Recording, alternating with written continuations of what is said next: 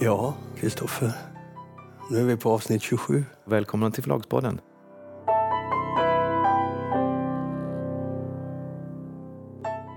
Nu har vi fått reda på vilket förlag som köpte den snackisen i London med skandinaviska ögon eh, sett. Kimi Räikkönens självbiografi. Just det, Formel 1-boken som vi undrade om vem som hade köpt. Ja, vem som skulle ha den dåliga eh, affärssinnet att köpa den. Och nu vet vi. Eller? Eh, ja, vi vet. Och det är förlaget. Som är i botten ett finskt, finlandssvenskt förlag. Mm. Alltså som ger ut böcker på svenska i Finland och som finns också i Sverige. Och då blir det lite annorlunda. Vad, vad tror du då om detta? Vad är din analys här? Ja, det är en lite dopad affär då skulle jag vilja säga. Därför att de bygger väl, nu vet inte jag hur mycket de har betalat, men de har betalat tillräckligt mycket för att få boken. Men det var ett annat förlag som var intresserade och jag kan inte tänka mig att det var någon större budgivning. Nej, alltså de har ju redan en plattform i Finland. Att ge ut den på svenska i Finland, där säljer de ju en del eftersom det är mycket Räikkönen. I Sverige så krävs det nog att de har en kunskap om eh, specialförsäljning, alltså speciella kanaler som når den typen utav... Eh, Tänker du på ICA då exempelvis? Eller? Ja, kanske ICA, men också når in i kanalerna där, där F1-intresset finns, alltså där, där eh, motorentusiaster rör sig. För annars, annars är det här lite intressant. Jag tänker mig att de antagligen kommer att sälja mycket som du sa i Finland på svenska och att de därmed kanske kan räkna hem det här.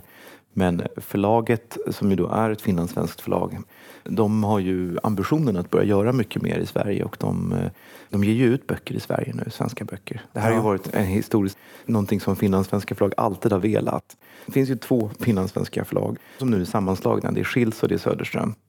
Och bakom Schilds står Svenska folkskolans vänner Bakom Söderströms så står eh, Svenska litteratursällskapet och båda de här stiftelserna är jätterika. Eh, nu har de slagits ihop så det finns bara ett förlag och då startades det här nya förlaget Förlaget av Sofia Jansson som är brorsdotter till Tove Jansson och jätte, jätterik.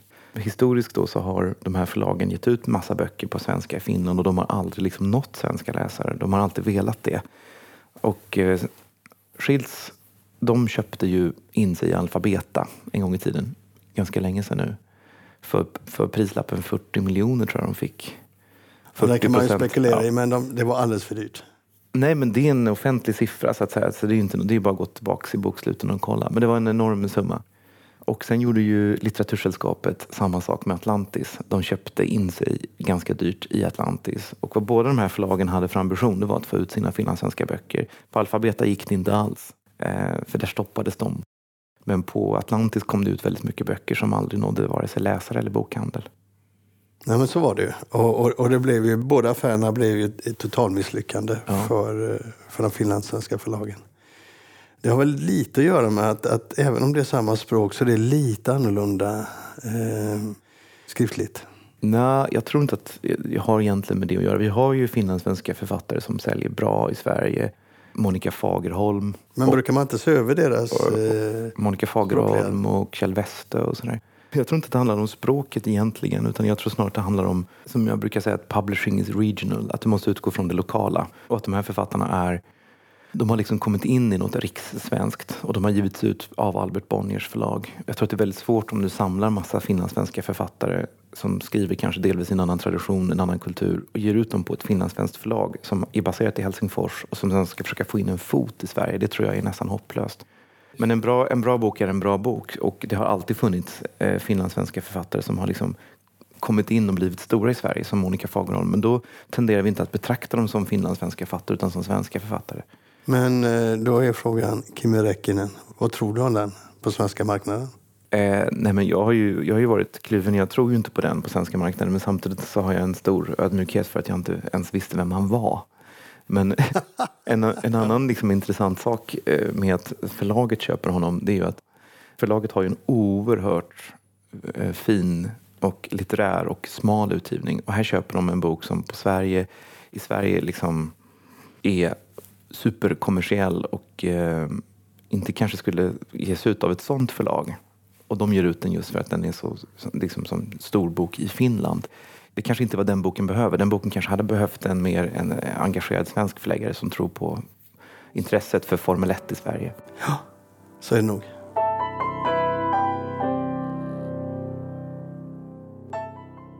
Du hade lite funderingar, Kristoffer, runt eh, Type and Tell, Bonniers eh, plattform för egenproducerade författare.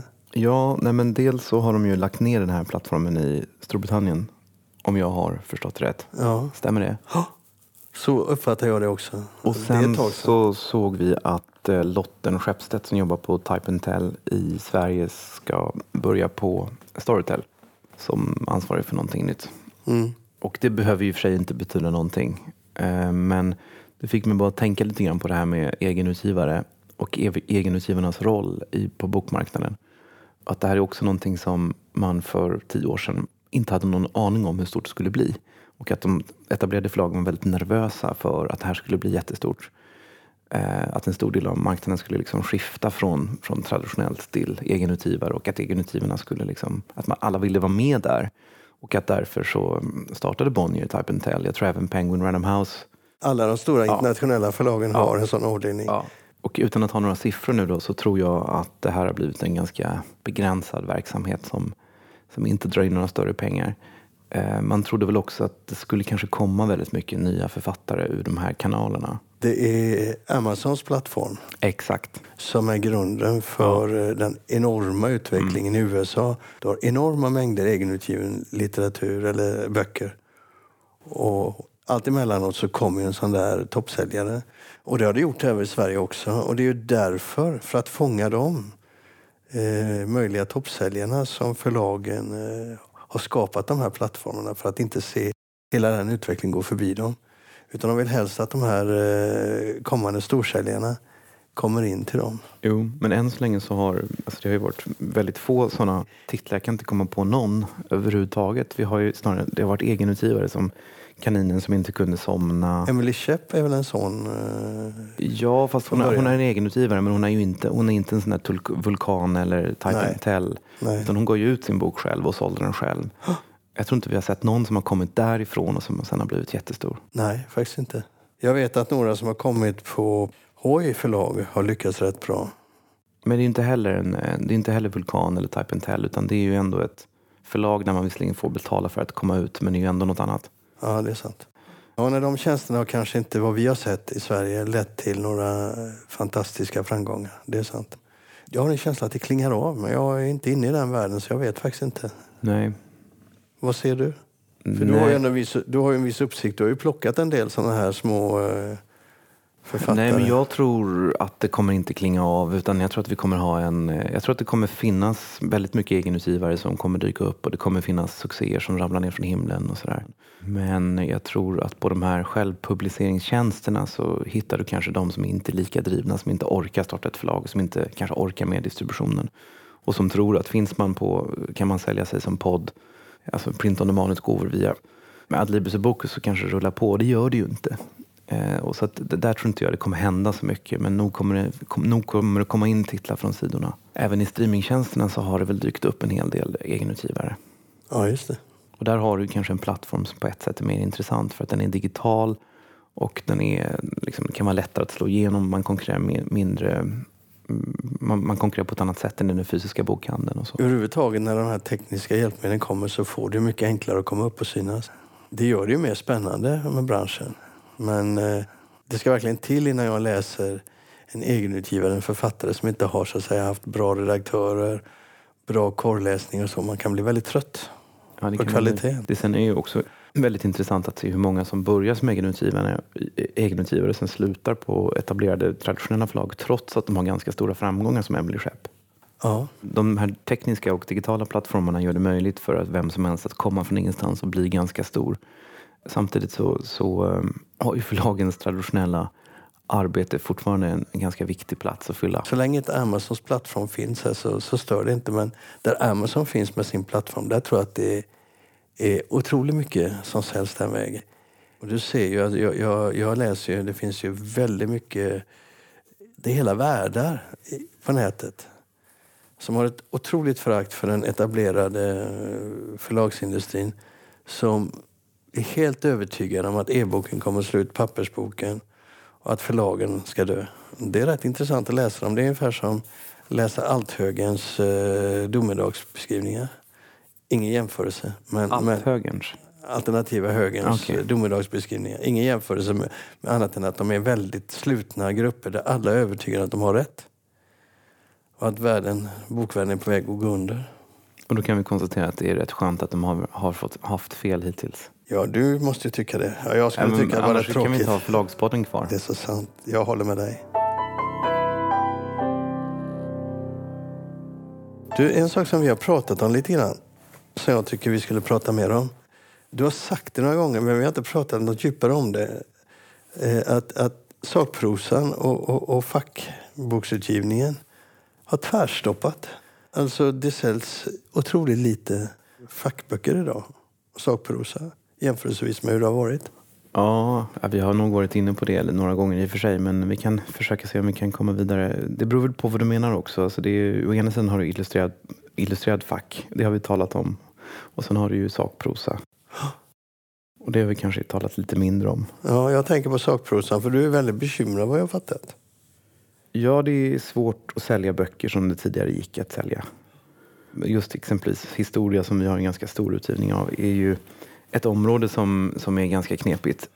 Och eh, många böcker som är lite tjockare, och i synnerhet om det är översättningar, är ju idag nästan omöjliga om de är på 400 sidor eller över det. För det går helt enkelt knappt att hitta läsarna. Nej, jag förstår att det är dyrt med, med översättning, men vad menar du med att hitta läsarna? Du ser alltså volymerna går ner ordentligt. Volymerna sjunker och eh, alltså en typ av bok som du för några år sedan kunde göra och kunde sälja har blivit mycket svårare. Man måste vara mer försiktig eh, och undvika de där böckerna i större utsträckning. Ge mig exempel. Du vet, du vet ju precis hur det är när du tittar på nya böcker. Ja, Något att tacka nej till nyligen just med tanke på så här. nej, men historia är väl ett sånt område att det är, det är ganska vanligt att man hittar kanske en jättebra författare som skriver någonting. Ian Kershaw har skrivit, som är en, en av de ledande inte Hitlerforskarna höll jag på att säga, men han är faktiskt en, en av de ledande Hitlerforskarna. Det är en författare som Bonnier har gett ut. Eh, han skrev en biografi om Hitler som kom på svenska, eh, som är ett mästerverk. Han skrev en bok som heter The End, alltså slutet, som handlar om varför tyskarna stred så fanatiskt fram till slutet och varför allting funkade i Tyskland på slutet. Den är också ett mästerverk. Den kom på Bonnier, jag vet inte vad den sålt. Han har nu, han har nu en, en serie som handlar om 1900-talets historia eh, som är i flera band. Och jag har läst en del som handlar om 20-talet och 30-talet och sådär. Och 40-talet. Och det är, det, är liksom, det är lysande, jättebra. Och de är på en 500-600 sidor. Och Bonniers har inte köpt de här. Eh, jag har inte köpt de här. Ingen annan har köpt de här. Ehm, det kan ju ha varit en svår bok i och för sig, även för 10, 15, 20 år sedan. Men det är ett sånt där exempel på en typ av bok som bara, det bara går liksom inte. Och när, man, när man sitter på bokmässor och så där, när man blir presenterad hör de här fantastiska fackboksförfattarna och, och liksom tänker att det där vore spännande och så hör man att det är på fem eller 600 sidor. Då vet man att nej, men det där är inte ens det är inte värt att titta på ens. Jag kommer ihåg när, när historia blev så inne 15 år sedan, 10-15 år sedan. Alltså det, när historiska media växte till, sig- till sig och Bonnier sen kom efter. I skuggan av historiska media kom efter och satsade stenhårt på historia. De här, alla magasinen som kom ut och så. De, de finns ju fortfarande magasinen. Det som man egentligen tror ibland när man ser enormt historieintresse så tror man att ja, det kommer väl att stanna men plötsligt så bara försvinner det. Inte över en natt men plötsligt så ser man volymerna gå ner otroligt mycket. Då är frågan, vad händer? Det är svårt att säga om historieintresset är lägre idag än vad det var förut. Um, den stora, om man ska backa bara göra historiken innan jag försöker svara på det. Så jag tror att Peter Englunds Poltava banade väg för en ny våg av historisk litteratur och kanske också för militärhistoria. Som har varit liksom lite, ansetts lite unket och lite tråkigt och sådär. Och sen historiska media, Anthony Beavers böcker och även SMBs framgångar och tillväxt och sådär. Svensk militärhistorisk bibliotek. Eh, det där drev ju på enormt och sen kom alla de här tidningarna och så. Om intresset generellt sett idag är lägre än tidigare vet jag inte. Kanske kan det vara så att man har konsumerat historia på annat sätt. Man konsumerar kanske historia genom att se dokumentärfilmer. Det finns ju många, många kanaler som sänder bara historia. På Netflix finns ju hur mycket dokumentärer som helst. Eh, och då, sen så har du alla dessa tidskrifter och sådär. Och boken, den är så nischad. Så boken behöver liksom alltid någon som rekommenderar den eller säljer den. Det är svårt att ge ut en bok av Kershaw som handlar om 20-talet om det inte liksom finns en kanal för att sälja den. Och där har vi ju sett, det här har vi talat om så det blir lite upp, upprepning för de som har lyssnat på podden tidigare. Men där, där menar jag då att just den här kvalificerade historiska boken är, där finns det förklaringar i hur branschen ser ut. Därför att tidigare så kunde de bli recenserade, det blir de i stort sett aldrig. Och det är lite intressant för att det handlar inte bara om att det är färre recensioner. Om man tar DN exempel så är de inte så intresserade av historia. Generellt sett så är litteratur, svenska litteraturkritiker inte så intresserade av historia. Vi har inte den traditionen. Varför det är så, det ska vi inte gå in på. För det har jag eh, alldeles för knäppa förklaringar till. Men um, historia är liksom inte, vi har inte det i vår kultur på samma sätt. Och då har de här, då har de här kanalerna, bokklubbarna, eh, Clio, Böckernas klubb och de välsorterade bokhandeln, då har de varit väldigt viktiga. Och där har vi sett att det har, har blivit liksom en, en infrastrukturen har sjunkit ihop. Ja, nej, det är sant. Och det, det tror jag liksom är, är den stora förklaringen på kort sikt till varför historia har blivit så svårsålt. Jag tror att det finns ett jättestort intresse för historia men att de som är intresserade, oftast är det ju män som är intresserade. Så där, kanske inte så ofta går i bokhandeln, kanske har väldigt ont om tid, kanske gör andra saker och behöver liksom få de här böckerna via en bokklubb eller via, via att det talas om dem. Och när de då försvinner ur det där systemet så, så en annan sån här genre som, som, är, som har försvunnit lite grann är ju den historiska, alltså historiska romanen. Den var ju väldigt stor, har varit väldigt stor. Och det har också gått lite upp och ner. Men det fanns Lars Widding på 70-talet eller om det var ännu tidigare som var väldigt populär och sådär. Eh, och det har funnits kvinnohistoriska romaner som har varit väldigt framgångsrika. Ehm, och en, en genre som eh, i Norge är väldigt stor, det är, jag tvekar, för, jag tvekar lite grann för jag vet inte hur jag ska, jag ska kategorisera den som, men det är ju alltså de här serierna, oftast i massor av delar, kan vara 30-40 delar. Isfolket? Ja, Isfolket, exakt. Oftast de här böckerna utspelar sig på fjället, det är 1800-tal, det är 1900-tal, det är fattigt, det är eländes elände. Och det är en kvinnlig huvudperson, det är en väldigt stark kvinna. Hon har motgångar, hon lever fattigt, hennes gamla föräldrar håller på att svälta ihjäl och sen så gifter hon sig med den rika bonden men det är inte lätt och det är mycket sex och det är sådär. Den här, den här typen av böcker är jättestora i Norge, alltså de finns överallt. Och de finns i bokklubbarna och de finns i systemet. I Sverige har det här aldrig riktigt funkat. Men nu har då Storytel, någon har på Storytel eh, hittat på att de ska damma av en gammal sån här serie eh, och byta namn på den och kalla den för Malin på Granlunda. Vad hette den förut? Eh, den hette något annat men nu heter den Malin på Granlunda. På norska heter den, den kan ha hetat så på svenska tidigare. Den kom på, eh, den kom på eh, Schibsted tror jag. För de hade ju en sån utgivning i Sverige också. Ja, Schibsted som då var ett norskt förlag. Ja, men någon på Storytel har kommit på att de ska ge ut det här på nytt. Den personen borde få någon slags bonus. För den personen har dragit in mycket pengar till företaget. För Malin på Granlunda är omåttligt populärt. Eh, och jag är med som ljudbok? Som ljudbok och den finns nu i 38 delar eller någonting sånt. Eh, och jag är så fascinerad. Jag har lyssnat på Malin på Granlunda. tycker jag du ska göra också Lasse. Okej. Okay. Och eh, jag är så fascinerad för att eh, jag hade aldrig någonsin trott att man skulle, jag tror fortfarande inte att du kan ge ut det här på papper. Det är helt omöjligt. Men när jag ser kommentarerna, eh, både på Storytel men framförallt på, i de här grupperna, ljudboksgrupperna. Det är så många som älskar Malin på Granlunda. Och det här är alltså gamla böcker som man har dammat av och gett ut på nytt. Och det här är en genre som var helt död. Men streamingformen streamingformatet, distributionskanalen gör att folk hittar de här böckerna, de här redan publicerade berättelserna och tycker att det här är bra. Så att väldigt mycket också handlar om distributionen, hur man får ut någonting. Jag älskar historiska romaner även om jag inte läst så mycket på länge. Vi gav ut en som heter Flickan i glastornet som är jättebra. Av vem då? Hilary Mantels böcker tycker jag är bra men de är dramaturgiskt dåliga. Elisabeth Freemantle heter vår författare. Okay. Eh, vi gav också ut en som heter Teodlarens hustru. Som är en bok som utspelar sig på Slanka i början av 1900-talet. Det är rätt länge sedan. Nej, den kom i höstas och blev en, faktiskt en ganska stor framgång i pocket. Jag är övertygad om att den historiska romanen, kanske inte fackboken på det sättet, men att den historiska romanen kommer komma tillbaka. Jag vet inte varför den har, att den har varit så svag, men jag ja. gissar att det kan ha att göra med viljan att sätta sig in i en annan verklighet eller att uppleva någonting annat när man läser och att ta del av erfarenheter som man själv kanske saknar hos dagens massmarknadsläsare är ganska, ganska låg. Utan eh, det man idag vill ha när man läser är igenkänning. Med igenkänning som menar att man vill läsa om livspusslet, man vill läsa om moderna problem. Det har ju varit en jättestark, ett, ett starkt stråk och genomgående tema i svenska deckare att det är väldigt mycket vardagsproblem och livspussel. Ja, men ofta på en rätt tråkig nivå det? Alltså jag, säger inte, att- jag gillar det, jag säger bara att jag tror att det också kan vara en förklaring till att man, man, eh, vi är väldigt fast i nuet. Vi vill, vill, vi vill läsa saker som, vi- som, kan spegla oss, som, som vi kan spegla oss i. Vi vill, inte, vi vill liksom inte titta bort.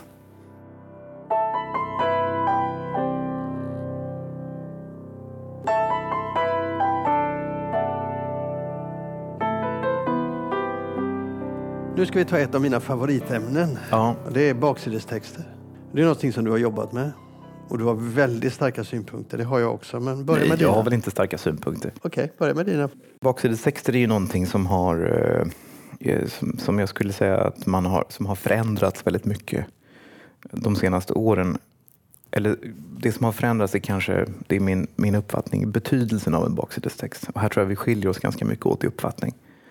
Och eh, tidigare så har man på förlagen, och det gör man fortfarande, men man har lagt väldigt mycket tid på baksidestexter. Väldigt mycket tid. Och eh, man har vinnlagt sig om att skriva texter som är eh, intelligenta, eh, copymässigt fyndiga och som, och som liksom trycker på vissa då, eh, nyckelord. Och man har skrivit en text som kanske har vänt sig inte bara till läsaren utan också till alla andra tänkbara mottagare av boken. Alltså recensenter har man faktiskt vänt sig till en del och även till bokhandlare och andra, andra intressenter. Det nya idag är att i synnerhet om man, eftersom en så stor del av försäljningen är digital och går via streamingtjänsterna och sådär och så väldigt få böcker recenseras så, så, så har de här, den, här, den här gamla tidens baksidestext den har liksom levt kvar men den har blivit ganska inadekvat. Därför att. Om du har en bok, här har vi exempelvis Sally och nazistligan. Låt oss ta den som ett exempel. Eh, det är en spionthriller skriven av Jan Bergman. När, om någon ska lyssna på den här på, på Storytel så är det titel, genre, omslag, författare. Det är väldigt viktigt. Och det finns inte så stora, där är texterna väldigt korta. Det är inte så mycket text som det är på en baksidesex, utan du har fem, sex meningar. Och de två första meningarna måste tala om för läsaren vad det är. Sen slutar man att läsa. Och om man då har en gammaldags baksidestext som börjar med en saga som inte kanske direkt berättar vad det är för någonting utan som snarare försöker vara liksom lite fyndig så tappar du någon direkt. Och samma sak gäller ju nätbokhandlarna. Där har du, när, om du tittar på en bok som ligger på sajten så ser du ju, du kan ha ganska mycket text. Men du måste då klicka på boken och sen måste du klicka på att visa, visa mer. Utan det första du ser det är titel, omslag och sen så ser du två meningar. Och där måste du liksom, där måste du tala om, i det här fallet så måste du tala om att det är den första boken i en ny spionserie som handlar om Sverige efter andra världskriget baserad på sanna händelser. För det är det som är säljpitchen. Och där har vi också en skillnad därför att i den, de gamla klassiska baksidestexterna som man la ner så mycket tid på så eh, vinnlade man sig om att vara väldigt objektiv, i alla fall till synes objektiv och inte använda alltför starkt laddade värdeord och inte berömma den egna boken och sådär. Alltså jag, jag är nog eh, inte en vanlig läsare då. Det trodde jag i och för sig att jag var. Men när jag är på nätet och är intresserad av en bok så klickar jag alltid fram baksidestexten för jag vill veta mer om vad är detta. Och jag klickar alltid på läs mer. I synnerhet om jag är nyfiken på en bok och funderar på att köpa den. Då är det absolut så att jag klickar på mer och jag läser den. Men det finns ingenting som jag tycker är så tråkigt idag som ofta, väldigt ofta, en baksidestext är för dålig. Fast min poäng var väl i all ödmjukhet att man kan lägga ner väldigt mycket tid på en text och göra texten väldigt bra. Ja. Men att det är kanske mindre väl spenderad tid. Och eh, vad gäller det där du just sa så om man tittar på streamingtjänsterna så har du objektivt sett fel. Där får man inte ha mer än fem, sex meningar. Så Nej, där- jag tänker på nätet. Och på nätet så, så de flesta klickar ju inte på läs mer. Så det handlar ju också om att du måste Vet få... du det? Ja, det, det vet jag. Men De flesta tar inte heller upp en bok. Du måste ju börja med att få någon att ta upp den. Ja. Om du då, jag menar bara att eftersom så en stor del av försäljningen är digital så måste man anpassa texterna till det digitala. Jo, det man, man, man, måste men, skriva, men, man måste skriva texterna på ett annat sätt. men kan du inte göra två typer av texter då? Jag menar, det där är ju ändå så att det här är boken. Den texten är en, en, är en eh, introduktion till boken. Den är väldigt viktig och den är på baksidan. Den finns där folk vet det. Jag, jag tror att väldigt många människor läser på baksidan. Men jo, men det är klart, jag säger inte att baksidestexterna inte betyder någonting. Jag säger bara att det har förändrats väldigt mycket. Ja. Men skriver du två, två olika texter i dagens läge? Nej, vi skriver inte två olika texter. Eller det där, ja, det, jo, ibland gör vi faktiskt det. Fast oftast är det, det, oftast är det då inte en text för, för boken och en text för nätet. Men det kan vara en text för bokinfo, en text, för en text på baksidan. Men, men, men eh, när vi skriver baksidestexterna då tänker vi som man gjorde förr. Och vi tänker inte ens att man kommer inte, de två första meningarna är det enda som 90 procent kommer att se. Eh, och det, var, det, var, det är det som är min, själva min spaning, att vi är fast i det här gamla sättet att skriva baksidestexterna på. Ja, ja, jag är ju fast i det gamla. Jag läser ju dem, så att, vad ska jag säga? Men du, du, du, du säger att du läser dem, men det, men det är klart att du gör om du, om du känner till boken och är intresserad av att kanske köpa den. Men om du är på startsidan på Adlibris exempelvis, så har du 15 böcker som ligger där. Då ser du ju bara en mening eller två meningar. Ja, ja. Men, och, men min poäng är den Och då måste de meningarna fånga dig. Ja, det måste de alltid göra. Det är självklart. Det ifrågasätter jag inte. Men om jag är intresserad av en bok, då går jag och läser vidare det är det som avgör ofta min impuls. Ska jag köpa eller ska jag inte köpa? Då är baksidestexten eller texten som följer med. så att säga. Jag tänker inte på den som baksidestext då, men det är väl den, det är det. Men eh, du som jobbar med de där texterna, hur mycket tid lägger du ner när du skriver, du skriver baksidestexter? Ja, inte så jättemycket fortfarande, men ibland så gör jag det. Vad lång tid tar det dig då, att göra en sån? Nej, det beror ju väldigt mycket på vad för slags bok det är. Har du några goda bottennapp? När du har gjort bort dig? Ja, det har jag. Jag hade, jag hade faktiskt med mig en sån. Okay. Och, men sen så vis av att jag ibland blir lite för frispråkig i bloggen så tänkte, eller podden så tänkte jag att det här ska jag nog inte ta upp. Dessutom så upptäckte jag eh, att eh, en av mina kollegor eh, nog hade räddat den här boken innan, från min dåliga baksidestext innan den gick i tryck. Men du kan väl ändå berätta lite? Nej, men det var, eh, det var bara för att återknyta till det som jag sa så var det en bok som började på sådär gammaldags vis och försökte anslå någon slags ton och, och knyta an till bokens innehåll och, och, och, alldeles för långt ner i texten så framgick vad för slags bok det var. Alldeles för långt ner i texten så kom själva säljpitchen och det är det som är min, min huvudpoäng. Säljpitchen måste komma först. Du måste först tala om för varför, någon varför man ska läsa den. Sen kan du liksom jobba på ditt gamla. men det där är ju i sig inget, det är inget sensationellt. Att säljpitch måste komma först, det var du som har... Ja, fast idag, min, nu kanske jag är lite väl fastlåst i nätet och streamingtjänsterna, men framförallt streamingtjänsterna. Det är väldigt få som läser baksidestexterna. Ja, på streamingtjänsterna? Ja. Fine. Men alla eh, skiter de, ger de inga då? Skiter de, ja. Vi kan skita i, i dem. Men de står Nej, men du kan ge dem vad de behöver, du tycker att de behöver. Men du ska fortfarande ge mig vad jag behöver. Ja, ja absolut.